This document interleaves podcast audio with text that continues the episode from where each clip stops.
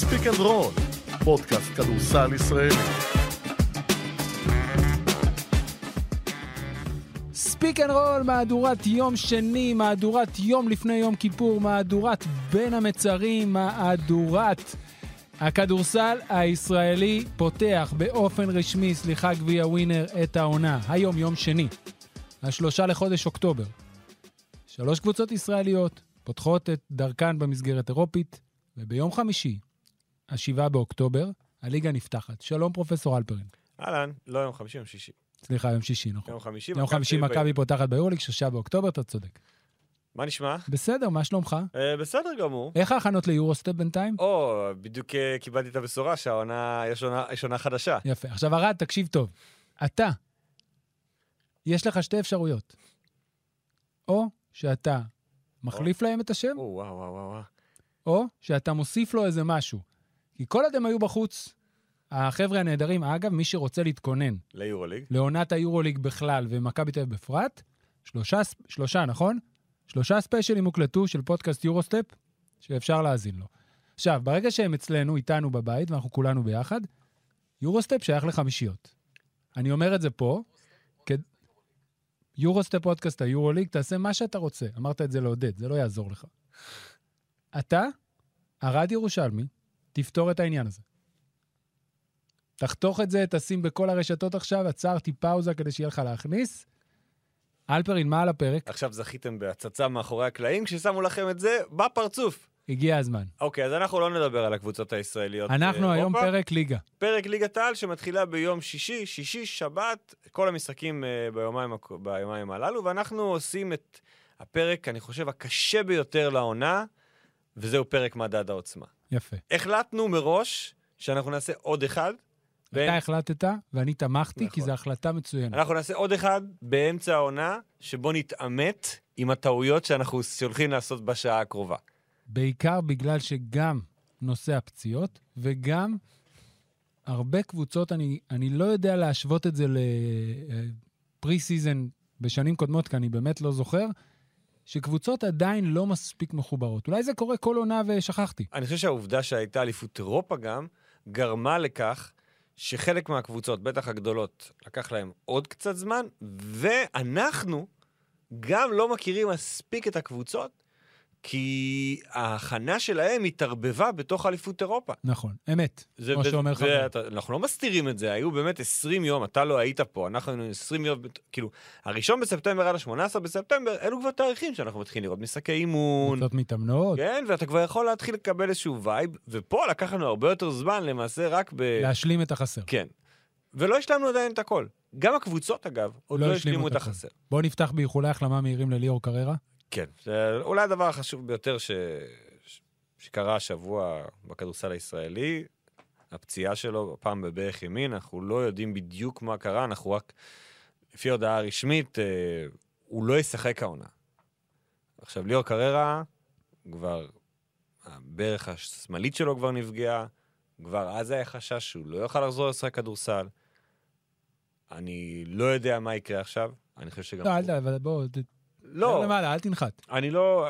חולי החלמה מהירים, אנחנו לא יודעים מה יקרה. אחלה, רק שירגיש טוב. רוצים שיהיה לו טוב. בדיוק. אוהבים את ליאור קררה, יש כן. פרק מספר, ארד, אם היית עכשיו שולף, זה היה טוב. וואו, היה לנו שהוא פרק התארח עם אחרי קריירה. הזכייה של נס ציונה ביורו-קאפ. היה ממש כיף.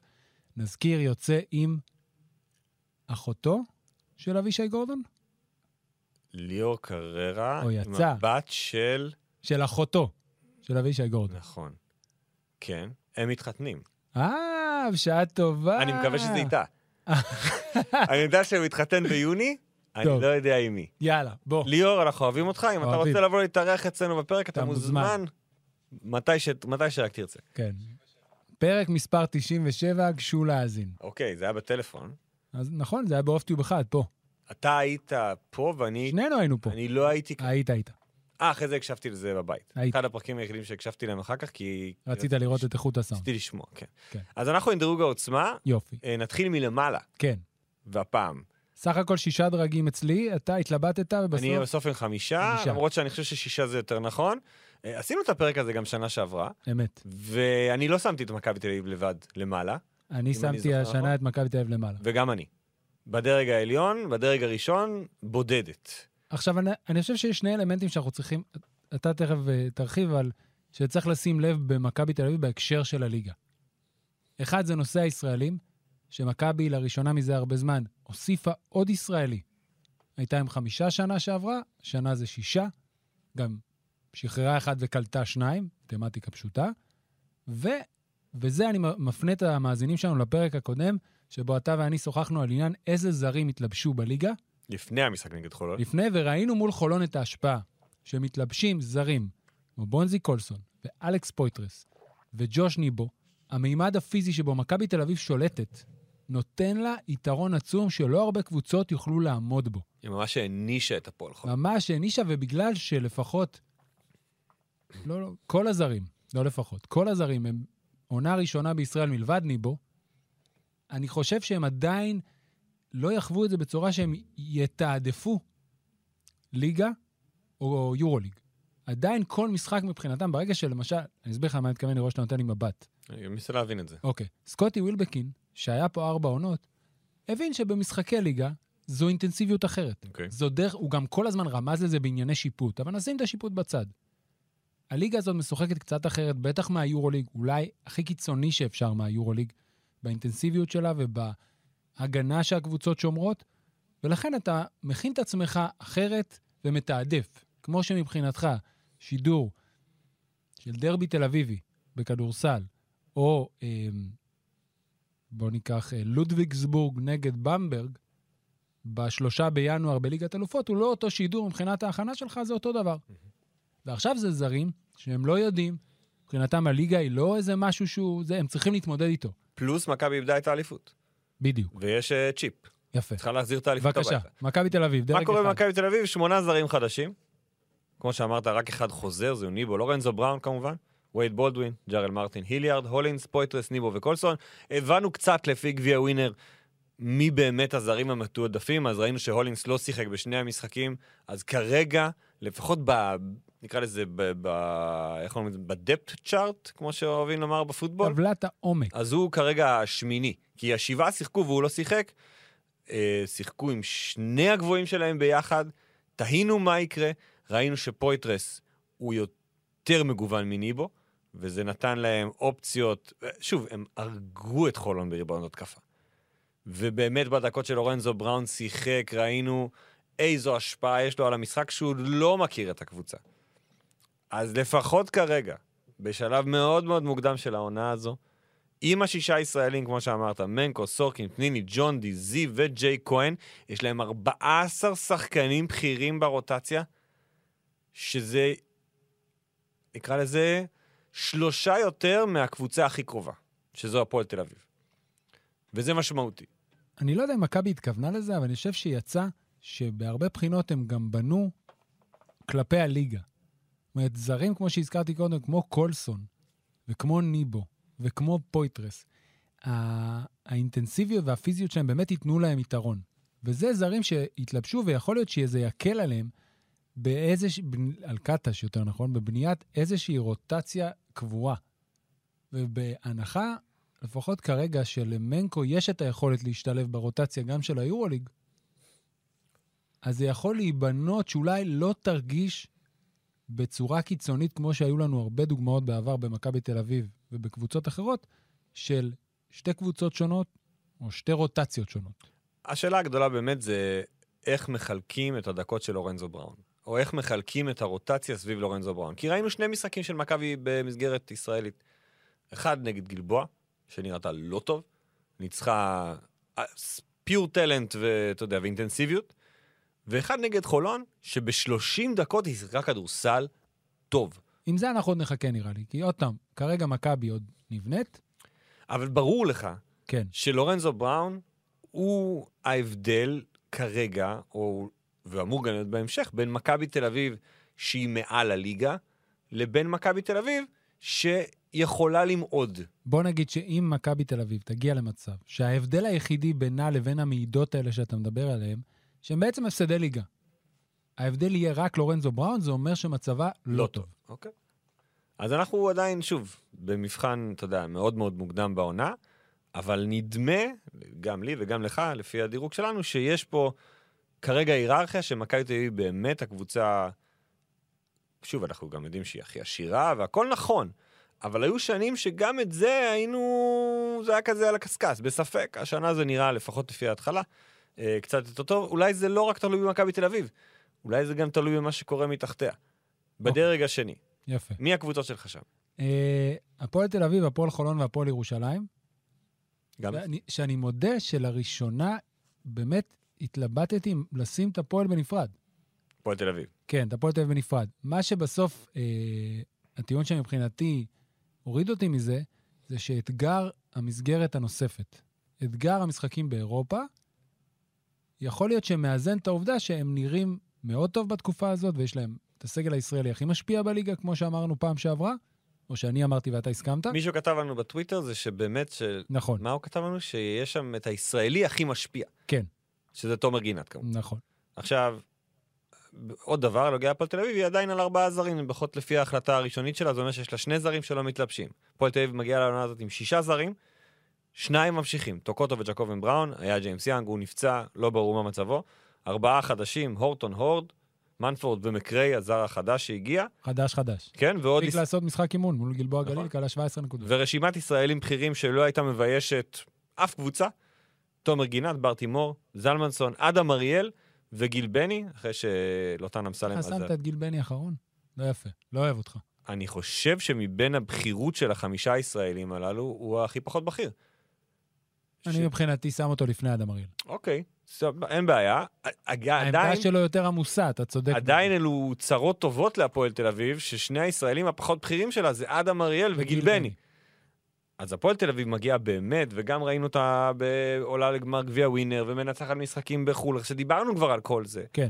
אבל זה עדיין עדיין מרשים אותנו, בטח כשאתה מסתכל על, על הכנה כאיזושהי אינדיקציה לעוצמה של קבוצה.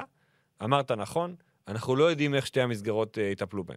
מה זה יעשה להם שתי המסגרות, אבל יש להם סגל עמוק מספיק כדי לצלוח את האירוע הזה. תראה, אנחנו לא נרחיב כי דיברנו עליהם בפעם, בפרק הקודם, והזכרנו גם את הדברים האלה. אבל אני חושב שזה יהיה הנרטיב שאנחנו נבחן את הפועל תל אביב, איך היא מתמודדת איתו, לפחות בחלק הראשון של העונה. שתי המסגרות וכל מה שמלווה, להתמודד עם נסיעות, להגיע למשחק ליגה אחרי משחק אה, שלא ישנת והיו טיסות וכאלה, וניהול הסגל ברמת בחירת הזרים, הארבעה שהתלבשו לכל משחק, ואחרי זה ההתמודדות לאורך כל השבוע. סגל ישראלי משפיע שלהפועל תל אביב שנים לא היה כזה, אולי מעולם. זרים איכותיים, ג'ורדן מקריי הוא תחליף מצוין להפועל תל אביב, אולי אפילו יותר מתאים מג'יימס יאנג ליד ג'קובן בראון, והם יצטרכו עכשיו להוכיח ולעמוד בציפיות. מיד אחריה, או איתה יחד באותו דרג, האלופה, הפועל חולון. קצת מוזר, אתה אומר, אוקיי, הם אלופים, למה בעצם לא נמצאים בדרג הראשון? אז קודם כל, הם... הייתה להם הכנה לא טובה. ניצחו משחק אחד, אחד. בלבד, אנחנו מקליטים את זה לפני המשחק שלהם נגד לגיה ורשה, שזה לא ישנה אגב שום דבר בנוגע לא, למה לא שאנחנו ישנה את חושבים ההכנה, עליהם. היא כבר קרתה. כן. אה, יש להם כרגע בסגל שבעה זרים. שלושה ממשיכים, רגלן, ג'ונסון ודלטון, הריס הפצוע, ארי גרין שחתם, מרווין ג'ונס וקני אריס, אנחנו לא צריכים לספור אותו, כי הוא לא בעצם גם לא במכסה. אני לא חושב לא, שהם רשמו אותו. שהוא כרגע, הוא הוא בתוך סגל הקבוצה. יצטרכו לא- לקבל לגביו- החלטה. הוא לא ישחק בשלושה חודשים הקרובים, ולכן זה לא רלוונטי. כשנחזור עוד שלושה חודשים לעשות כן.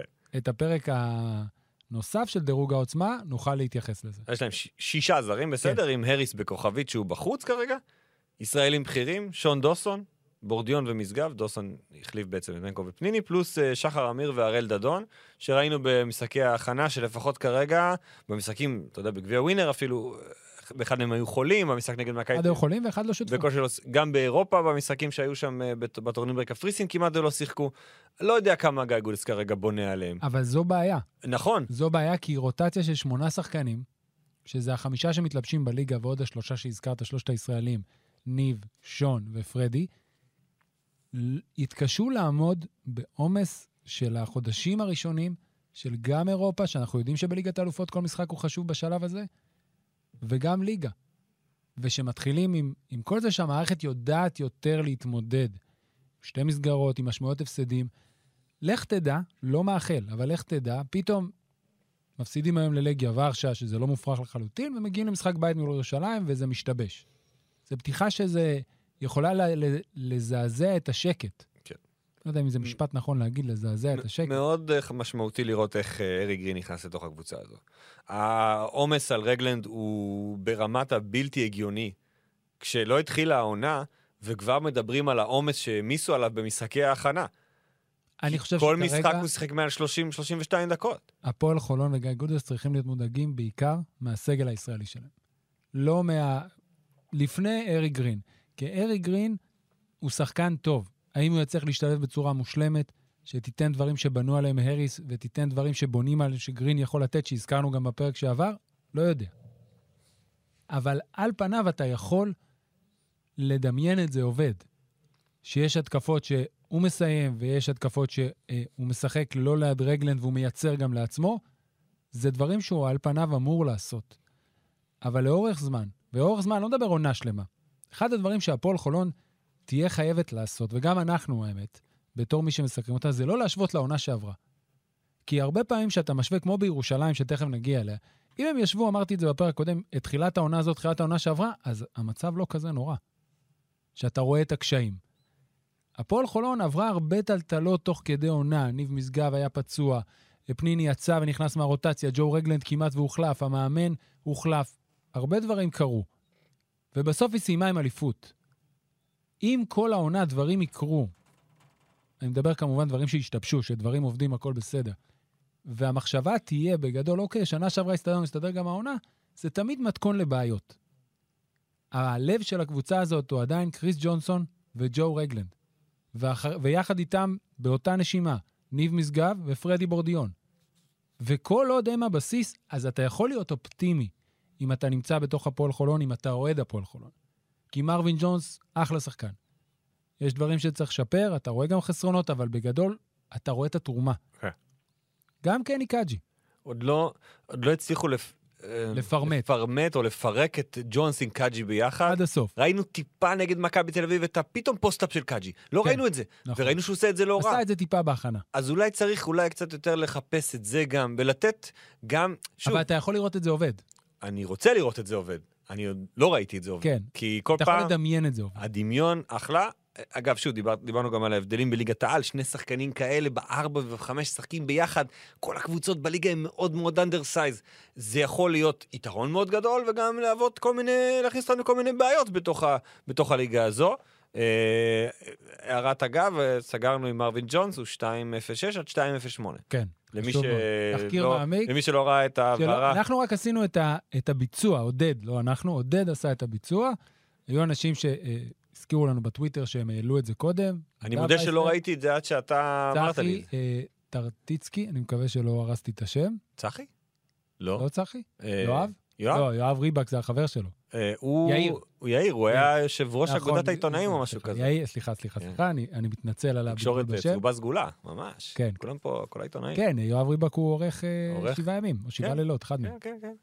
אה, אז הם כבר עלו על הקטע שמרווין ג'ונס אה, נמוך יותר מה-2.13, ואתה וידאת את זה. כן, אני סגרתי את זה לגמרי. סגור סוגריים, בוא נמשיך. אה, בוא נמשיך. בבקשה, הפועל ירושלים. אז למרות מה שאמרנו עליהם בפרק הקודם, ולמרות שהייתה להם, אתה יודע, היו קצת קשיים בהכנה, עדיין אנחנו שמים אותם בדרג העליון של הקבוצות הישראליות, כי קודם כל היא מגיעה, כמו הקבוצות הבכירות, עם שישה זרים כרגע, יירשמו חמישה זרים ברמה גבוהה, גם קרינגטון, רנדולף, סמית, מיירי, סנדר ונה והנקינס בעמדת הסנטר, ישראלים בכירים יש להם אני חייב ארבעה. ליישר איתך קו. כן. השם משפחה זה ונה, נכון? הסנדר זה שייך לסים, סים, סנדר ונה. אבל קארל אנטוני טאונס, האנטוני שייך לשם הפרטי. שם משפחה הוא טאונס, אוקיי? גם בוונה? אני, אני הייתי רוצה להגיד לך שכן בוודאות, אני לא אגיד לך את זה.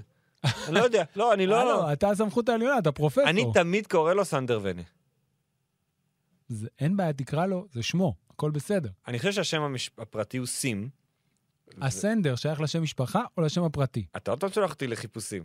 ת, תגיד לי לפני הפרק. אבל... אני מודה... לא, לא. לא, לא, אני... זה משהו שאתה, לא, אבל בתור שוב... מי שמכיר את סים סנדר ונה, אני עד העונה הייתי בטוח שסנדר זה עם הוונה. אני לא בטוח כבר. אלפרי נבדוק, ואנחנו נגיד להפועל ירושלים, ננס- אתה, לגדול לפי מה שזה נראה פה, אתה צודק. שהוונה זה השם משפחה, וסים יופי. סנדר זה השם הפרטי. נהדר. סבבה. יופי. אה, וישראלים, בלייזר שגב, דוברת וקורנליוס, פלוס גלעד לוי, שלא ראינו בהכנה בגלל לא, הטירונות שלו. טירונות, אז היום הוא כבר יהיה בסגל נגד ארושפקה, הוא לא, לא אמור לשחק. בכל מקרה, אנחנו כן, אני כן מצפה לראות את גלעד לוי בליגה. לגמרי. אנחנו צריכים לראות מה הוא יכול לתרום לקבוצה הזו. אז אתה מסתכל, יש פה סגל של 11 שחקנים. אה, בוא נגיד שגלעד לוי הוא על הגבול, הוא אז, ה-11. אז סבבה. עדיין סגל בכיר, ישראלים של נבחרת ישראל בעבר, זרים שעשו כבר דברים באירופה ברמה, שמצפ... ברמה של הליגה הזו, הם בטח יכולים לתרום. זה לא עבד בהכנה בחלק מהמקרים, לא קיבלנו עדיין את כולם ביחד, אבל אתה עדיין מצפה ממועדון כמו הפועל ירושלים, שגם כשזה מתחיל פחות טוב, אם צריך לתקן תוך כדי תנועה, וגם שלתת להם את הזמן שלהם. אני לא הולך עוד לרמת תיקונים, אני חושב, עוד פעם, לא ניכנס לזה יותר מדי, כי בפעם, אה, בפרק הקודם, דיברנו על ירושלים בעקבות המשחק הזה, אבל אם ב, ב, ב, כמו מאזניים, ששמים על מאזניים, ספידי סמית ינוע יותר לתכונות שציפו שהוא יראה, שזה ניהול משחק וניהול הקבוצה, וליבר רנדולף לאט לאט ייכנס התקפית יותר לעניינים, וצריך לתרום, זה יאזן, ויחד עם קרינגטון, שהיה, שנתן את הסחורה במשחקי גביע ווינר, אז, אז זה יחזור להיות הקו האחורי כמו שדמיינו, ואז אנחנו נמשיך לעקוב אחרי זה כל העונה. וזה האם נועם דוברת מתחיל להיכנס לעניינים, כרגע הוא עוד לא שם. זה זה הדרג הש- השני. כן, עכשיו מפה זה לדעתי, היה קל. מפה לדעתי יש לנו כבר קצת, אה, נקרא לזה דברים שהם אה, סותרים אחד את השני. אני אתן לך הזדמנות אחרונה לחזור לשישה דרגים, כי אז נהיה... אני לא יכול עכשיו, כי זה יעשה אה, עוול, אה, כי אני לא... אז אתה תתחיל את הדרג השלישי. אוקיי, הדרג השלישי שלי כולל שתי קבוצות. אוקיי. בני הרצליה כן. והפועל חיפה. אני, הדרג השני שלי כולל שלוש קבוצות. הדרג השלישי. השני, השלישי, סליחה. כן. שתי הקבוצות שהזכרת, ונתתי פה בונוס לגלבוע גליל. אני רואה הרבה חס... שנייה. תכף- אני... בבקשה, הם- היו פה, לעזוב. הם היו בדרג אבל, וירדו. אוקיי. הם כבר היו, עשיתי תתחיל אתה, תתחיל. כבודו. אוקיי, אז קודם כל, למה הרצליה? למה הרצליה בעצם לא למעלה? זו השאלה שאני חושב שאוהדי בני הרצליה, או יגידו, רגע, אותה קבוצה, על, כמעט, הלך אונואקו, אה, מה זה הכמעט הזה? בסדר, עדיין יש פה את קריס באב, שהיה אחד הזרים הכי טובים בליגה שנה זה שעברה. בדרג השלישי. למה היא לא בדרג השני? אני אסביר היא לך הייתה למה. מחזיקת הגביע וסגנית האלופה. העיבוד של אונואקו, הדלתא, הדלתא. הדלתא, שמחליפה את אונואקו בקרטר ואת שון דוסון בברנדווין, כן. היא זה שגרמה לזה שהם יצאו דרג. עכשיו, יכול להיות שבסיבוב הבא שנעשה את זה, הם כן יהיו בדרג השני, כי הם עשו תוצאות יפות במשחקי ההכנה. קריס באב הוא עדיין שובר שוויון בליגה הזאת. המשמעות של הוקר לקבוצה כבר ראינו. החיבור, ההמשכיות, אורן אהרוני, ההצלחה בעונה שעברה, אני כבר שם על השולחן. יכול להיות שאנחנו טועים. אבל אני עדיין חושב שכרגע, עם קצת הכנה שראיתי, והמשחק מול הפועל תל אביב, הדלתא הזאת של בלי כן. אונואקו, וגם בלי שון דוסון, היא משמעותית ושווה הורדת דרג. מסכים, אני בגלל זה שמתי אותם שם, כי אני גם מרגיש שהם מאוד אתה רזים. גורם לי להרגיש לא נעים. לא, לא, אני אני כאילו אומר... אה, אתה הצגת את אוהדי בני אני הרצליה. מציג את השאלת האוהדים, איך יכול להיות שסגנית האלופה ומחזיקת הגביע לא נמצאת בדרג העליון? אז שוב, הם איבדו שני שחקנים, הביאו שניים שלא, כרגע לא תואמים את הרמה של השניים שהם איבדו, והם, עוד פעם, גם הם בשתי מסגרות, גם הם ייתקלו פתאום בקשיים, עם סגל רזה, יכול להיות שזה יגרום להם לבעיות. אני מאוד מקווה שלא תהיה להם את תסמונת העונה השנייה. השנייה, העונה שאחרי, כשהם נשארים עם אותו סגל, כי הם החליטו שזה סגל מספיק טוב כדי להמשיך איתו, אבל בתחילת העונה שעברה, אני לא יודע כמה התרשמנו מהרצליה, לא ספרנו אותה כקבוצה שיכולה להגיע כל כך רחוק. תראה, קודם כל, עניין העונה השנייה הוא מאוד משמעותי, כי ההצלחה הייתה חסרת תקדים, ואני חושב שהפעם ההמשכיות תעבוד לטובתן, לטובתם, אני כבר אחזור לזה, אבל גם כמו הפועל תל אביב, השילוב של מסגרת אירופית, עם רוטציה שכרגע על פניו נראית, שוב, יש לה עוד זר בסגל שעושה בגביע ווינר, סנגלי פ- פיה, ככה פיה. מבטאים? פיה. ירם פיה. כן? אז הוא מתווסף, אנחנו לא יודעים מה הוא יוכל לתרום. אז יש שישה זרים, ויש את יאיר קרביץ, ויש כהן. את סנדי כהן. אני גם רוצה להחשיב את דורי סער ועודד ברנדווין. אם הם יצליחו לתרום באופן קבוע, אז, אז זה סגל סביר, לא הכי עמוק בעולם, אבל מספיק טוב. ונחזור לעניין, מה אמרתי שאני אחזור? אה, השנה השנייה? לא, משהו אחר. אוי, שכחתי. אבל צריך לראות ש... אה, שבאמת. אה, הזכרתי. לפני כמה עונות, אני באמת לא זוכר איזה עונה, רציתי לבדוק, הם המשיכו, ב... זה היה בני הרצליה, עם ש... שלושה מתוך ארבעה זרים. אני לא זוכר מי, רק זוכר את, את חליל קניסביק. הוא היה מצוין. והעונה, בעונה הראשונה הם היו עם כרם אשור, שנבחר לשחקן הישראלי של העונה, והייתה להם אחלה עונה. ובעונה שאחרי, עם שלושה, הם פתחו את העונה עם שלושה מתוך ארבעה זרים שהמשיכו, וזה לא היה נראה טוב, זה פשוט לא עבד. בעונה שכרם עזב למכבי? כן, בעונה שכרם עזב למכבי. 16-17 כמדומני. אז, אז שוב, אנחנו... אבל פה אני, בא הבעיה שובר שוויון כן, בליגה, והוא נכון. ממשיך, והוקר הוכיח שהוא היה בחוץ, וחזר והתחבר ישר. אתה זוכר הוקר versus קופר שדיברנו פה? למה זה עובד? פלוס קמפ, שראינו כמה הוא מאוד משמעותי. מאוד חשוב בליגה הזו, והעובדה שוון וליט נותן להם אופציות אחרות בחמש, מה שראינו שאין גם... להרבה קבוצות. כן, אז שוב, אני מאוד... מק- אני כן מאמין שהרצליה עדיין תהיה קבוצת צמרת, למרות החיסרון של אונואקו ודוסון. אמורה להיות לפחות בשש הראשונות. יחד איתה, אני שמתי את הפועל חיפה, גם אתה שמת אותה. כן. קבוצה שכן יצא לנו קצת לראות בגלל היורופ קאפ. בגלל מוקדמות היורופ קאפ. נכון, לא היה שם כדורסל גדול. אני אומר את זה בלשון, לא. בלשון הכי עדינה שאני... בסדר גמור. אבל- בחודש ספטמבר זה מותר. יש להם גארד שמאיים להיות בטופ של הליגה, זה היקי. אם זר שחוזר, שהיה זר בכיר, קדים אלן, לא היה טוב בכלל ביורופ קאפ, ולמרות זאת הם הצליחו לנצח שני משחקים, עם אפסון ועם ג'ונס, שג'ונס, מה שאהבתי לראות אצלו, זה את המחויבות במשחקים. היה שם ממש צולל טרף, לכדורים, טרף. זה, טרף את ואתה. אתה רוצה לראות דבר כזה מהסנטר שלך? עם סוללה ישראלית טובה מאוד. גם שמחון, ספנסר וייס, ריימן שראינו מה הוא עושה, ועוד שלושה שחקנים שיכולים לשחק. אופק אביטל שיהיה, שיהיה לו דקות. גור לביא שעולה אחרי עונה מעולה בלאומית, ולוטטי, שאנחנו יודעים ששרון דרוקר כן אוהב לתת לצעירים, והוא צריך עוד גארד, זכר למה שהיה בהפועל חיפה בשנה שעברה, עם הבעיות עם ורגס, שפשוט לא היה להם עוד רכז. יפה, אז אני רוצה שתי שאלות, שני היבטים, בחר אתה את ה... שתי סוגיות בעניין הזה. אני מנסה להשוות לעונה שעברה. מבחינת זרים, על פניו נראה ששרון דרוקר והכוורת שעוטפת אותו בהפועל חיפה עשו בחירות טובות. איקי באמת נראה כמו סופרסטאר, שחקן שבאמת יכול... גם ורגס היה נהדר. לא תהיה לו את האגרסיביות לא, של אבל הוא ורגס, שחקן אחר. אבל מבחינת מהירות ו- ואינטנסיביות בהתקפה, הוא שני הילוכים קדימה מגרגורי ורגס. ג'ו רגלנד פלוס פטריק מילר. אוקיי, אחלה. תודה. והוא מייצר הרבה דברים ל... לאחרים, חוץ מאשר לעצמו, וג'לן ג'ונס נראה מחויב, וגם אפסון נראה בסדר. אם כי בשני משחקי מוקדמות היורו-קאפ, החמישייה הטובה יותר, עם הפלוס מינוס המצטבר הגבוה בשני המשחקים, הייתה עם אה, ריימן, ספנסר וייס, קדים אלן, היקי וג'ונס. אוקיי? סמול בול. כן. ואז זה העלה לי שני דברים.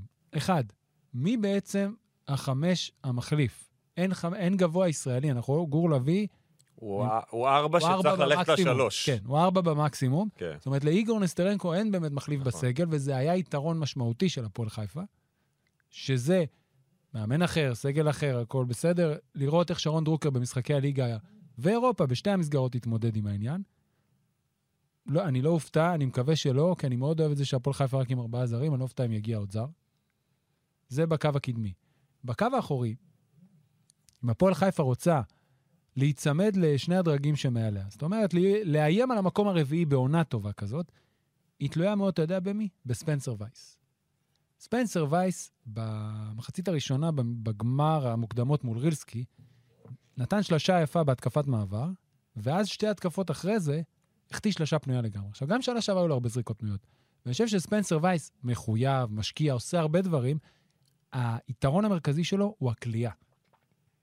ואתה רוצה עוד שחקן כזה שיהיה איום מחוץ לקשת, כי אז אתה יכול לשחק פתאום גם בא עם שמחון, אלן ווייס, שהכל פתוח. שמחון בארבע כאילו? שמחון בארבע, והיה את זה כמה פעמים. זה איום מרכזי, והיקי ייצר את הזריקות הפנויות האלה לשמחון, סליחה, לווייס, לא פחות מאשר גרגורי ורגס. ואם הוא לא יקלע אותם, באזור ה-40 אחוז, ואנחנו יודעים שספנסר וייס מסוגל לזה, כן. יהיה קשה מאוד להפועל חיפה. אם הוא יהיה שם, הם יכולים הם להגיע... באמת יכולים לגרד את ה... אתה יודע, אם קבוצה אחת קצת יהיה לה קשה בהתחלה והיא תרד לחמש, שש, הם יכולים להיות אלה שיעשו את הקפיצת מדרגה הראשונה. בהערת אגב, אני מת על זה שהם הלכו למוקדמות יורופ קאפ. אני כן, מת על זה שנה שהם- שנייה ברציפות. שהם רוצים והם מנסים והם רק רוצים להתקדם, ואתה רואה כל הזמן את העבודה ואת העבודה ולתת ולעשות ולהיות קבוצה משמעותית בכדורסל, והם עלו לשלב הבתים, ומבחינת הפועל חיפה זה רגע חשוב נכון. בהיסטוריה של הקבוצה הזו, ההיסטוריה המתחדשת נקרא לזה של המועדון הזה. הם היו פסע מליגה ארצית לפני שלוש שנים. עכשיו הם משחקים uh, ביורופ קאפ. זה כיף לראות ששתי קבוצות אוהדים, אוקיי, והפועל חיפה שחזרה לעצמה, אמנם זה לא היה בדיוק עמותת אוהדים כמו הפועל אוסישקין שנהייתה הפועל תל אביב, אבל. אבל זה קבוצת אוהדים. שתי קבוצות חזרו לצמרת, קבוצות עם היסטוריה בכדורסל הישראלי, גם הפועל חיפה, גם הפועל תל אביב. השנה שתיהן משחקות באירופה, וזה נהדר לראות. והעניין של מי יהיה הגבוה הישראלי, אם בכלל, איזה, איזה crossover עשית. והאם ספנסר וייס יהיה ספנסר וייס, כן. הוא יהיה הבדל מרכזי, בטח בליגה, בטח בעונה עם שתי מסגרות. בין הפועל חיפה עוד פעם ממשיכה לרוץ בצמרת עונה שלישית ברציפות מאז שהיא עלתה ליגה, למדשדשת ב-7-8.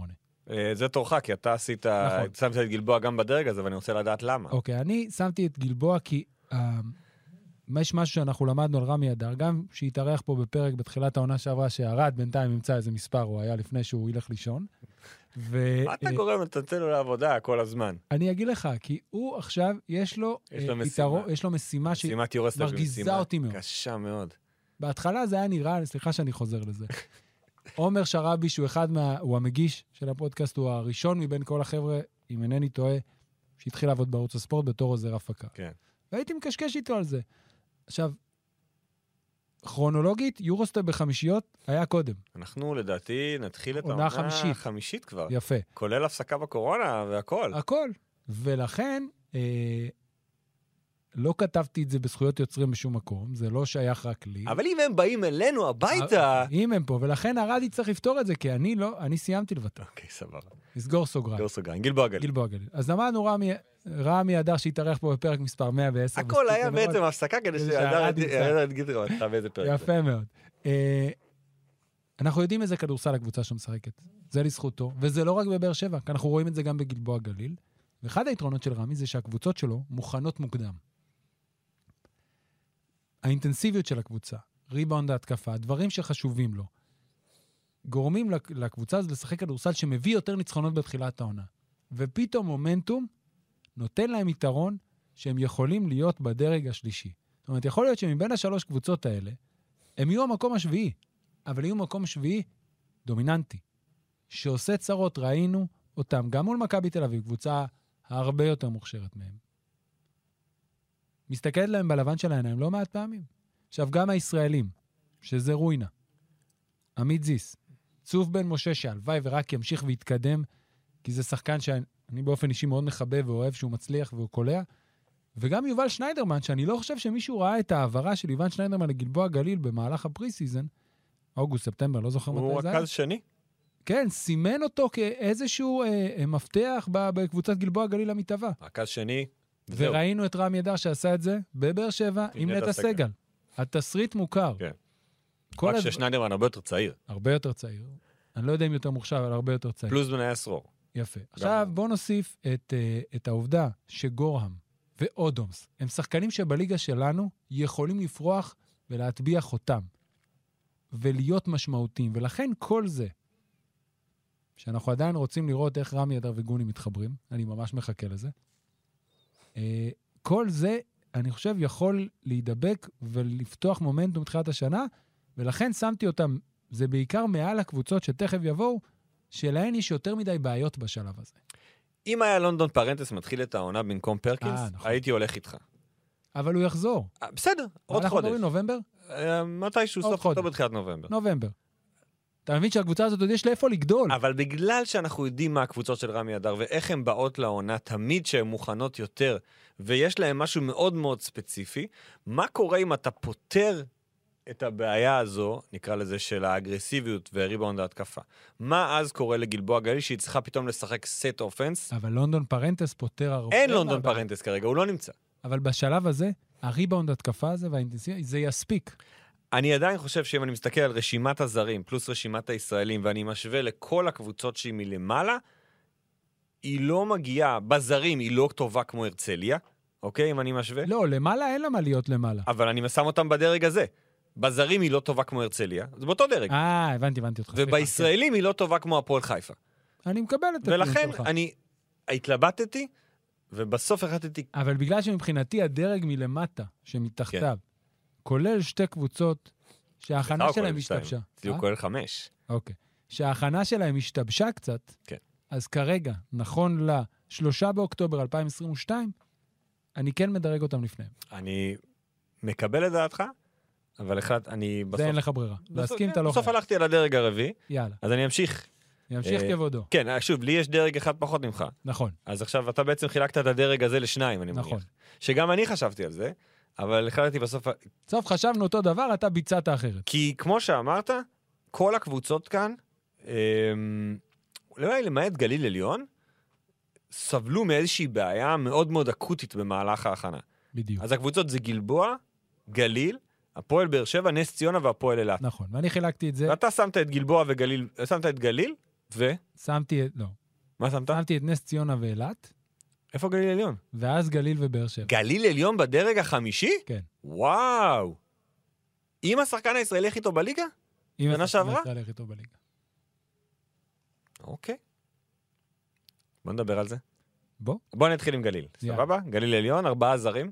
אחד ממשיך, ברייס וושינגטון ועוד שלושה חדשים. בוקר והצון, אנחנו יודעים את השמות עכשיו, התקדמנו גם פעם. שעברה ידענו בסוף. ועבדול מליק אבו, שראינו שגם בוקר וגם שני אז. אני לא ראיתי את עבדול מליק אבו משחק עדיין. נכון, כי הוא לא היה במשחק. בגלל זה וזו אחת שאני- הבעיות לגבי גליל עליון, שלא ראינו אותם בסגל מלא בכלל. בדיוק. לא ראינו את מושקוביץ עדיין, לא ראינו את מליק אבו, וגם... לכל מושקוביץ יש את הובר, אז אני... לא, אבל אתה צריך יודע עוד. שזה לא... כן, כן, וגם לוטן אמסלם מצטרף נכון. מאוחר, ואני חושב שלוטן אמסלם בקבוצה הזאת כן ישחק. נכון, אבל אנחנו מדברים על עכשיו. אז אני אומר שקבוצה שיש לה בסופו של דבר את רועי הובר ונמרוד לוי כישראלים בכירים, פלוס שני זרים בעמדות החוץ שראינו שהם זרים מוכשרים, פלוס ברייס וושינגטון, ופלוס, נקרא לזה עוד, אני שם את מושקוביץ כישראלי שאנחנו מצפים שיעשה, ימשיך את קפיצת המדרגה. כן, צריך לראות שהוא בריא, אבל כן. כתף זה בעייתי. אמנם לא הייתה טובה במשחקי ההכנה, בגלל כל הבעיות שכבר דיברנו, אני לא חושב שהייתי מוריד אותם לדרג מתחת לנס ציונה ואילת. תראה, נס ציונה, נס ציונה היא קבוצה שמאוד, טרום הפציעה של קריירה מאוד סקרנה אותי. היא עדיין מסקרנת. כן, אבל עכשיו היא צריכה לקבל החלטות מה היא עושה. קודם כל עם חמישה זרים. הולכת, הולכת, הולכת לחמישה זרים, כן. זו החלטה שכבר התקבלה, אני חושב, לפני, לפני. והתבצרה כרגע. יפה, אבל ברגע שאין לך את קריירה, זה משנה לך. אגב, אמרתי לנו לשי האוזמן שדיברנו בבוקר, אני לא אתפלא, לא בדקתי, בתחושת הבטן, אם יניב מזרחי התקשר לטל דן ואמר לו, עזוב, בוא תחזור. אני כבר קיבלתי את זה אתמול כ... כעובדה, לא, כאילו כהשערה? מישהו שאל אותי. מתקשרים לטל דן, אני בטוח שהתקשרו לטל דן. אה, קודם פופי- כל הוא עוד פופי איכשהו... פרסמה היום שפנו לבריסקר ולוורקמן. וורקמן, וורקמן כרגע משחק ב-NBA, אז הוא נכון. לא יכול. אה, ובריסקר, תכף נגיע, אני מבין שיש לו עוד הצעות. כן. אני חושב שכל קבוצות הליגה היו רוצות. נכון, אבל. איך שהקבוצה הזאת נבנתה, בריסקר לא כך, הוא לא צריכים אותו שם. בדיוק, הוא לא איך שהקבוצה מתאים. הזאת נבנתה, שזה אומר בגארד די.ג'יי קופר ושק ביוקנן ורז אדם ועמית אהרוני. אה, זזים לעמדות 3-4, אז יש לנו את סי.ג'יי וויליאמס גולן. וגולן גוט, והיה אמור להיות ליאור קררה. יורדים למטה, אז יש לנו את ג'רום מיאנסי ואת טיילר ביי. ולוינסון. ואת תומר לוינסון. עכשיו, אם אחד הפורורדים שלך, אה, לצערנו נפגע, אתה עכשיו צריך לראות האם... אגב, זאת הבעיה שהייתה שנה שעברה. כן, נכון. הלכת חזרה שנה שעברה, אותו דבר בדיוק קרה. עכשיו, עד אם- שקררה לא חזר, הקבוצה הזאת לא הייתה מאוזנת. בדיוק. עכשיו, אם ווילי וורקמן יבוא, בגדול, זו אותה עמדה. שחקנים שונים לחלוטין בתכלית, אנחנו יודעים מה ווילי וורקמן יודע ומה הוא לא יודע, אבל הקבוצה יכולה להישאר באותו מבנה. כן. אם מייקל בריסקר מגיע, אולי אתה לא צריך את שק ביוקנן. כי הוא גם, נגיד, אני לא חושב שזה יקרה, אבל נניח. אז אתה עכשיו אומר, אוקיי, יש לי את בריסקר שהוא שתיים, שחוסר בעונה האחרונה עשה יותר לכיוון האחד. די.ג'יי קופר הוא אחד טהור, אני לא מוותר עליו. כן. האם אני צריך את שק ביוקנן? האם אני רוצה להיכנס עכשיו להחלפת זרים או להתמודד? זה הרבה דילמות. בגלל זה, למה שמתי אותם ואת אילת? כי פציעה אחת, יכול להיות שאם קריירה לא נפצע, אז זה באמת מתכנס לדרג אחד. אבל גם אילת עם הפציעה של בן קרטר שייקח לו זמן לחזור, וסקוט משאדו, מצ'אדו גמר. זה נגמר. יופי. שתי הקבוצות האלה, הפציעה הזאת שוברת להם, אצל אילת לפחות, זה רכז. אז אתה אומר, אוקיי, רכז, אני אחפש רכז אחר. אבל לכן אני שואל אותך, למה בעצם אתה שם אותם מעל גליל עליון? כי ממה איזה, שראיתי... איזה סיבה ממה שראינו בהכנה אומר, ש... אומר שהם קבוצה יותר טובה מהם? כי גליל, עוד פעם, לא ראיתי הרבה, אבל גם המשחק בגביע ווינר שראיתי וגם עוד כל מיני קטעים, נראית לי לא מספיק מחוברת. שנה שעברה הכל היה הרבה יותר ברור. ברייס וושינגטון, הדקות הטובות בהתקפה היו שברייס וושינגטון היה, מו- אה, הצליחו להפעיל אותו. נמרוד לוי הסתבך עוד פעם באותן עבירות, בהתקפה שהוא ממ- ממשיך, ימשיך, אני לא יודע, עונה שנייה. לא הצליח להשפיע על המשחק יותר מדי. ברייס וושינגטון היה מצוין, בדקות שלו, ברגע שה pick and roll שלו עובד, או התרגיל שדיברנו עליו, לדעתי גם עם ברק שהתארח פה, וגם בחמישיות של הריץ', לא ריץ' ראץ', מספריים, שהם עוברים, זה היה נראה. אבל חוץ מזה, זה יותר מדי פעולות אישיות. רועי הובר עדיין לא הרכז הטוב שהוא יכול להיות, שראינו אותו כבר בכמה קבוצות, וזה מרגיש לי מבולגן מדי. וכל עוד אתה לא רואה את, אה, את הגבוה הנוסף, ואת הסדר, ואת נמרוד לוי משחק כנמרוד לוי, זה כרגע נראה לי משובש מדי. עכשיו, פה זה לא עניין של פציעה. אוקיי, הסגל עכשיו קיים, הוא, הוא, הוא, זה לא שחקנים שנפצעו, גמרו את העונה וצריך עכשיו לעשות חילוף. זה עוד לחבר. זה עוד לחבר. ולפחות לכרגע, נס ציונה נראה לי שהיא יודעת מה היא רוצה מעצמה. ונראה שיש לה שני זרים שיכולים להיות מהגנבות של הליגה, כן. ושני זרים מוכחים. כן. אוקיי, ג'רום מיאנסי ודי.ג'יי קופר זה שני זרים שאתה יודע מה הם שווים ומה הם הולכים לתת לך. עדיין, אני- שוב, אני, אני שומע את הקולות, שומע הכל, ואני לא שם אותם מתחתיהם כרגע, אני לא, מר... להיות. אני לא מרגיש. אני לא מרגיש את זה, אבל זה באמת עניין של הרגשה. זה רק החיבור של הפציעות, זה מה שגרם לי. יכול להיות שהם צריכים להיות באותו דרג. בוא, בוא נסגור רק את הדרג הזה עם שתי הקבוצות שלא לא פירטנו עליהן. אחת כן. זה אילת, אז זה מגיע לליגה הזו עם חמישה זרים, אחד מהם סקוט מצ'אדו פצוע, הם אמורים, אמורים להביא גארד במקומו. רכז, כן. כן, שני, שני שחקנים עבר בליגה, ג'ארד טרל וארי גריפין, שנסע עם רעננה אני- למשחק נגד יכול להיות שרק הקליפרס, בגלל זה הייתי צריך להוריד אותם דרג. שנסע איתם, כי זה היה הסכם בחוזה. הפרסום של אור שקדי, זה היה בטוויטר ואחרי זה גם בוואלה, ושזה גם רק למשחק הזה. כן. זה לא שהוא הצטרף אליהם לכל המסע. הוא נסע איתם למשחק מול הקליפרס וחזר. זה נורא מוזר. זה יותר גרוע ממוזר. אני לא רוצה להשתמש במילים כאלה בפודקאסט שלנו, לא אני. לא אוהב את זה. זה עניין שלהם. אה, פטווי וגריימס, שני זרים חדשים, אה, הולכים בינתיים ארבעה עד שימצאו מחליף למצ'אדו. ישראלים, נתנאל ארצי, עמית גרשון, נועם אביבי ועידו הראל. שעידו הראל משחק. כן, אה, משחק. חלק שם. ועוד יובל שניידרמן. כן, ובן אוקיי. קרטר שאמור לחזור ב- אני לא יודע, nobody knows. אף אחד לא יודע. אוקיי. השלושה פצועים יש להם, כן. גם קרטר, גם פרייטר, גם מצ'אדו. חשבו שקרטר ישחק העונה. בתחילת לא, העונה, גם פרייטר, שכחתי להזכיר את פרייטר, שזה גם פציעה שמשבשת, כן. אמנם קרתה יותר מוקדם. אז זה מה שקורה בהפועל אילת.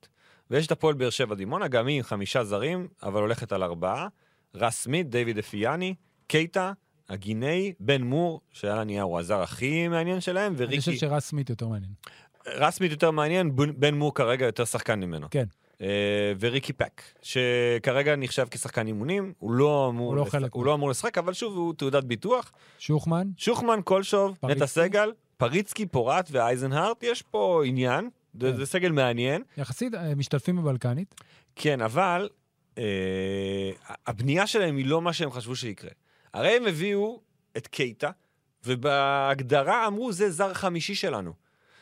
לא מצאו את הסנטר שהם חיפשו, הלכו לגארדים, השמישו את קייטה, השמישו את... אמרו, קייטה טוב, בואו נשחק איתו. כן. אמרו, בואו נביא גארד עכשיו. הם הביאו גארד, הוא לא הגיע בגלל סיבות אישיות, בא רס סמית. רס סמית הגיע לא בכושר, פצוע, לא נראה עדיין בקצב שאמור להיות, ועכשיו אומרים, רגע, אולי נביא בעצם גארד, אבל הם שוב חזרו לחפש גבוה. הם גם עדיין לא סגורים על עצמם מה הם רוצים. זאת הסיבה שבגדול הם וגליל, שעדיין לא סגור שם הכל עד הסוף. לעומת נס ציונה ואילת, שבנו בדרך מסוימת ופציעות רק שיבשו, מפרידות לי בין הקבוצות. אוקיי. אז אם נסכם, אני הלכתי על חמש קבוצות בדרג הרביעי, ואתה חילקת את הדרג הזה בעצם לשלושה דרגים. שמת את... אה, לא, את שני דרגים. לא, שמת את אה, גלבוע בדרג שלוש, כן. את גליל ואת נס ציונה נכון. ואילת בדרג ארבע, וגליל ובאר שבע בדרג חמש. שני הדרגים שלך נהיו שלושה דרגים אצלי. נכון. בניגוד לדרג אחד שהלך לו כמו דרג 2 ולא ירד לדרג 3, לדרג 4 ו-5. ולמי ששואל, מי נמצאת בדרג האחרון, אז נמצאת שם מי קבוצה... שמאזין לנו כבר לא שואל. נמצאת קבוצה אחת, העולה החדשה, העולה מהליגה הלאומית, זוהי אליצור קריית אתא. היא מתחילה את העונה הזו עם אה, ארבעה זרים, שניים מהם שיחקו בליגת העל. דיאנטה גארד ושבון לואיס שיחקו שם בשנה שעברה, עם ה-MVP של הליגה הלאומית מהעונה שעברה, אמין? סטיבנס, אה, לא. וג'ובנטה רדיק, שהוא ה-forward center לא, היחיד בעצם, הגבוה שפותח בחמישייה. עם ישראלים שהגיעו, יותם חנוכי וכרם אשור, ועם הסגל מהשלד מהלאומית, עמית ראובן, שלו לוגשי ועידו דוידי. ועם כל הכבוד, ואני ראיתי המון קריית אתא שנה שעברה, ומאוד נהניתי מהם. הם היו קבוצה מגניבה. כולל קורן ג'ורנו שעשה את ההחלטה הנכונה מבחינתו ללכת להישאר ללאומית, בליגה כי הוא, אמר, הוא מכיר את עצמו מספיק. טוב. זה לא נראה כמו מה, למרות, או שוב, אני אסייג את מה שאני אומר. הם עשו תוצאות, הם, כאילו אנחנו זוכרים רק את התבוסה להפועל תל אביב. הם, כל המשחקי ההכנה שלהם צמודים, וניצחו גם את הגליל, גם את הפועל חיפה וגם את גלבוע. בכל משחקי ההכנה שלהם, מחצית ראשונה הם בפיגור. רבע ראשון, סליחה, הם בפיגור. כן. כמעט כל משחק התחיל ככה, הפועל תל אביב זה היריבה הכי איכותית, ולכן מזה כבר הם לא חזרו. אבל גם במשחקים שהם ניצחו, זה תמיד היה מהפך ברבע השלישי או ברבע הרביעי. זה נראה כרגע לא סגל מספיק חזק, לא, בג, לא בגזרה הישראלית ולא בגזרת הזרים. זה יקום וייפול כנראה על דיאנטה גארט, אבל דיאנטה גארט כבר לא צעיר. לא, וראינו גם בנס יקום ציונה. וייפול על שבון לואיס דווקא. אבל שוב, הוא לא, הוא לא שחקן מוביל לבד. הוא, הוא יכול- חי בתוך המשחק. כן, אבל אם יש לך רכז כמו דיאנטה גארט, אני לא חושב שדיאנטה גארט יכול להיות דיאנטה גארט שהיה במכבי אשדוד בזמנו. אוקיי, כנראה שזה... לא, לא, לא, הוא. כבר לא שם. אבל הוא עדיין רכז טוב, מוסר טוב, מסיים עם לא מעט אסיסטים, ואם הוא יפעיל את שבון לואיס, שראינו לא מעט משחקים בגליל עליון, שהוא יכול להיות סקורר מוביל. עם אזור ה-22, 25, אולי אפילו 27 נקודות, כולל סל ניצחון אחד לפחות שאני זוכר, אולי היו איזה שניים, ואחד ההבדלים הכי גדולים בעונה שעברה בניצחונות להפסדים במשחקים של גליל עליון. ואם הצמד הזה יהיה ככה, זאת אומרת שהעול, במרכאות, ייפול יותר על לואיס וגארט יבוא, אתה יודע, בקטנות. בהתקפה מכריעה, באיזה משחק אחד טוב, אז ברמת צמד גארדים זה בסדר, אבל שני הגבוהים, אנחנו עדיין לא יודעים מה הם יכולים לתרום התקפית. בין אם זה סטיבנס ובין אם זה, אה, נו, ג'וונטה רדיק. ושני הפורורדים, שני הישראלים הבכירים נקרא להם, זה כרם אשור כמו שאמרת, ויותם חנוכי שעולים בחמישייה. בכל... ש... שניהם מקבלים הזדמנות, בטח, בטח משעור, שמקבל הזדמנות לחזור, נקרא לזה, להיות ישראלי בכיר. כן. חנוכי, דיברנו על ההעברה הזאת, היה שם, זה קרו כל מיני דברים בדרך. גם הוא מבחינתו, וגם מבחינת שרון אברהמי, הציפיות מיותם חנוכי בקבוצה הזאת הן ציפיות מאוד מאוד גבוהות. יודע, הוא אמר, ראיתי ציטוט שלו, אני לא זוכר אם זה היה במסיבת עיתונאים או בהחתמה של חנוכי, זה שהוא רוצה לעשות עם יותם חנוכי מה שהוא עשה עם תומר גינת. מעולה. אה, או. מה שהוא עשה עם גור לביא, לכאורה, בליגה הלאומית. נכון. למה לכאורה? לא, כי זה ליגה לאומית. לא לכאורה, הוא עשה איתו דברים יפים, אבל זה ליגה לאומית. כי הוא עשה אותם. מה, מה, האם קריית אתא יכולה, בגלל שלא ראינו אותה מספיק, זה קשה קצת, האם היא יכולה, נקרא לזה, לשחזר את מה שעשתה בלאומית? כי היא הייתה שם אנדרדוג, ובגלל שיטת משחק ולחץ וריצה, אני לא בטוח שזה עובד בליגת העל. כי הרמה מסביב או בצד השני היא הרבה יותר גבוהה. אני חושב ש... תראה, יש שם אגב המון... עושים... פ, פ, לא, יש... אה, נועה פופלגר עשה כתבה עם אה, הבעלים, המנכ"לית של קריית אתא, אה, טלי חיים, והיא אמרה, אני רוצה להשקיע כסף, אני רוצה להביא את זה, אני רוצה... לה... זה לא נראה כרגע, לפי הסגל הזה, שהושקע הרבה כסף בקבוצה הזו. זה נראה עדיין מאוד מאוד בוסרי. תראה, אני חושב שכמו הרבה עולות חדשות שהם לא מועדונים אה, עם היסטוריה שחוזרים לקדמת הבמה, סטייל הפועל חולון שירדה ליגה ועלתה, הפועל תל אביב כמובן, הפועל חיפה לדוגמה, זה קבוצות שיש להן היסטוריה. קריית אתא היא קבוצה שהייתה בליגת העל, עשתה דברים, כולם זוכרים את הניצחון שלה בהיכל על מכבי תל אביב ב-2001, הכל בסדר. אבל זה לא קבוצה שעדיין מסורת הכדורסל היא משהו שהיא יכול היא יכולה לחרות על דגלה. ואף אחד גם לא ציפה שהיא תעלה לליגת העל. גם. ולכן, לא בטוח שגם אם יש לך את הסכומים להשקיע, אתה יכול להביא בקלות את כל השחקנים שאתה רוצה. גם אם אתה מסתכל על אה, העולות האחרונות מליגה לאומית לליגת העל, אה, רובן הגיעו עם סגל ישראלי מאוד מאוד אה, מנוסה. ושחקנים שכבר היו בליגת העל חזרו ללאומית כדי להעלות. את הקבוצה. כמו שעל פניו, נפתח סוגריים, מכבי ראשון עושה השנה. ראשון, נהריה, נכון. כל הקבוצות, אתה יודע, אני מסתכל עונה אחרי עונה, הייתה את העונה שנס ציונה חזרה עם טל דן וגולן גוט נכון. ועמיתי, והייתה את העונה שמכבי חיפה חזרה, והייתה את העונה שהפועל חיפה החזירה את נסטרנקו לליגה לאומית, ואז הוא עלה איתה לליגת נכון. העל. ואתה מסתכל, תמיד עלו קבוצות שגם אם לא היו הקבוצות הבכירות בליגה, ציפית מהם תמיד שיעלו. קריית אתא הייתה אגב, הפתעה. אותו דבר, סליחה שאני קוטע אותך, אתה מסכים? גם גליל. הייתה לה מסורת, היא חזרה. היה לה בסיס עם אה, צ'אצ'ה ומוסקוביץ', היה שנה לפני? לא. כן, לא, לא, היה בנתניה. היה שם את אלון ספיר. את אלון ספיר. אבל נכון. שוב, זה שחקנים, וראינו, וגם הבינו את זה מאוד מאוד מהר בגליל, שאלון ספיר, ששחקן ליגה לאומית מצוין, קשה לו המעבר לליגת העל. נכון. וקריית אתא, היא גם מבינה את זה. כי היא הביאה פה שני ישראלים בכירים, אבל יחד, ראובן, לוגשי ודוידי ישחקו בקבוצה הזו. כן, כן. זה מה שיש פה, זה סגל של תשעה שחקנים. תראה, בשביל... סליחה. לא, לא. לא, לא, לא. סגל של תשעה שחקנים. נקודה. בשביל כן להיות קבוצה שהירידה שלה לא מובטחת או משהו, ושהיא תיאבק כדי להיות קבוצה ולהישאר ליגה, כי זו המטרה שלה, להישאר ליגה, כן. היא צריכה לשחק טיפה אחרת. היא צריכה שהזרים שלה ימשכו את העגלה. היא היא הימרה פה. הימרה על זרים, נתנה הזדמנות לשני ישראלים לחזור למעמד גבוה יותר. אם הכל יתחבר, ראינו כבר סיפורים כאלה בעבר. אבל קשה. עכשיו, אני חושב שאנחנו צריכים, ל... אה, לפני שנסיים, גם להזכיר את ה free agent שמסתובבים הישראלים בחוץ. שיש שלושה כאלה? אני, תגיד, מקל, בריסקר, בריסקר, טי.ג'יי קליין, אנחנו מחשיבים? אף אחד לא יודע. זה כמו טי.ג'יי ליף, להגיד אותו. דבר. ליף חתם בסין. כן, אני. יודע, אבל אני אומר, כן. זה אותו דבר, כי זה גם טי.ג'יי. כן. וגם אתה לא ברור לך מה זה, כי היה משא ומתן גם עם הפועל חולון וגם עם הפועל ירושלים. לדעתי כל אחד מהמשאים ומתנים נפל בגלל סיבה אחרת. אחד זה היה על אה, כסף, אחד זה היה על איזה מתי להגיע וכאלה, כל מיני דברים שלא נשמעים הגיונים שאתה מסתכל מהצד ואתה אומר, רגע, אתה רוצה לשחק כדורסל העונה או לא? לא שאתה פורש או משהו. גם גל מקל היה במשא ומתן עם הרצליה, לדעתי היו עוד קבוצות שדיברו איתו, אני לא יודע כמה זה, עד לאיזה פסים ואיזה רמת הצעות זה הגיע, אבל היה. ומעניין לראות איפה הם יהיו. כן. האם הם יהיו? הם בטוח יהיו, לא בטוח שעכשיו. הרי דברים קורים, ראית, הפציעה של קררה הזו, היא עכשיו מערערת את נס ציונה ברמה שהיא צריכה לחשוב על איך היא מביאה ישראלי חדש, ואולי, כמו שאמרת, אפילו לשנות את המבנה של הקבוצה שלה. כי למשל, סתם, בוא נשחק בנדמה לי. בוא נשחק בנדמה לי. אני לא בטוח שגל מקל, יש לו איך... ברור שהוא גל מקל והוא יכול לעזור לכל מה הוא קבוצה, יעשה בנס ציונה? אבל אם יש לך את די.ג'יי קופר, אני לא רואה איך גל מקל... אותו דבר, אתה יודע, יש... אה, ראיתי בכל מיני אה, קבוצות אוהדים ובטוויטר או כל מיני, אנשים שזורקים שבגלל שלחולון חסר איזה ישראלי, אז גל מקל. אתה יודע מי באמת צריכה את גל מקל? הפועל אילת. נכון. אבל הוא לא, הוא הוא לא לא יעבור. עכשיו לא. לאילת. נכון. אבל הפועל חולון, לדוגמה, עם רגלן וניב משגב, או נס ציונה עם די.ג'יי קופר, להכניס את גל מקל, אוקיי, אם אין ברירה, אין ברירה, אבל זה לא הפתרון. בריסקר יותר מתאים. כי שם בשתיים, אה, אני חושב שזה יגרור, אם מייקל בריסקר יגיע לנס ציונה, אמרתי קודם, לגרור שינויים מבניים בזרים. בזרים. אין ברירה, לא כי שחקן לא טוב, אלא כי העמדות שיש לך, אתה צריך לעשות איתן כן. התאמות מסוימות. מאוד מעניין. זה, זה באמת, אה, עוד פעם, אמרת פעם שעברה שאחד המאמנים אמר לך, שלא גילית מי הוא, רק שהוא לא מתחיל בשין. אה, שה- שהעונה מרגישה לו יותר שהעונה חזקה. מרגישה...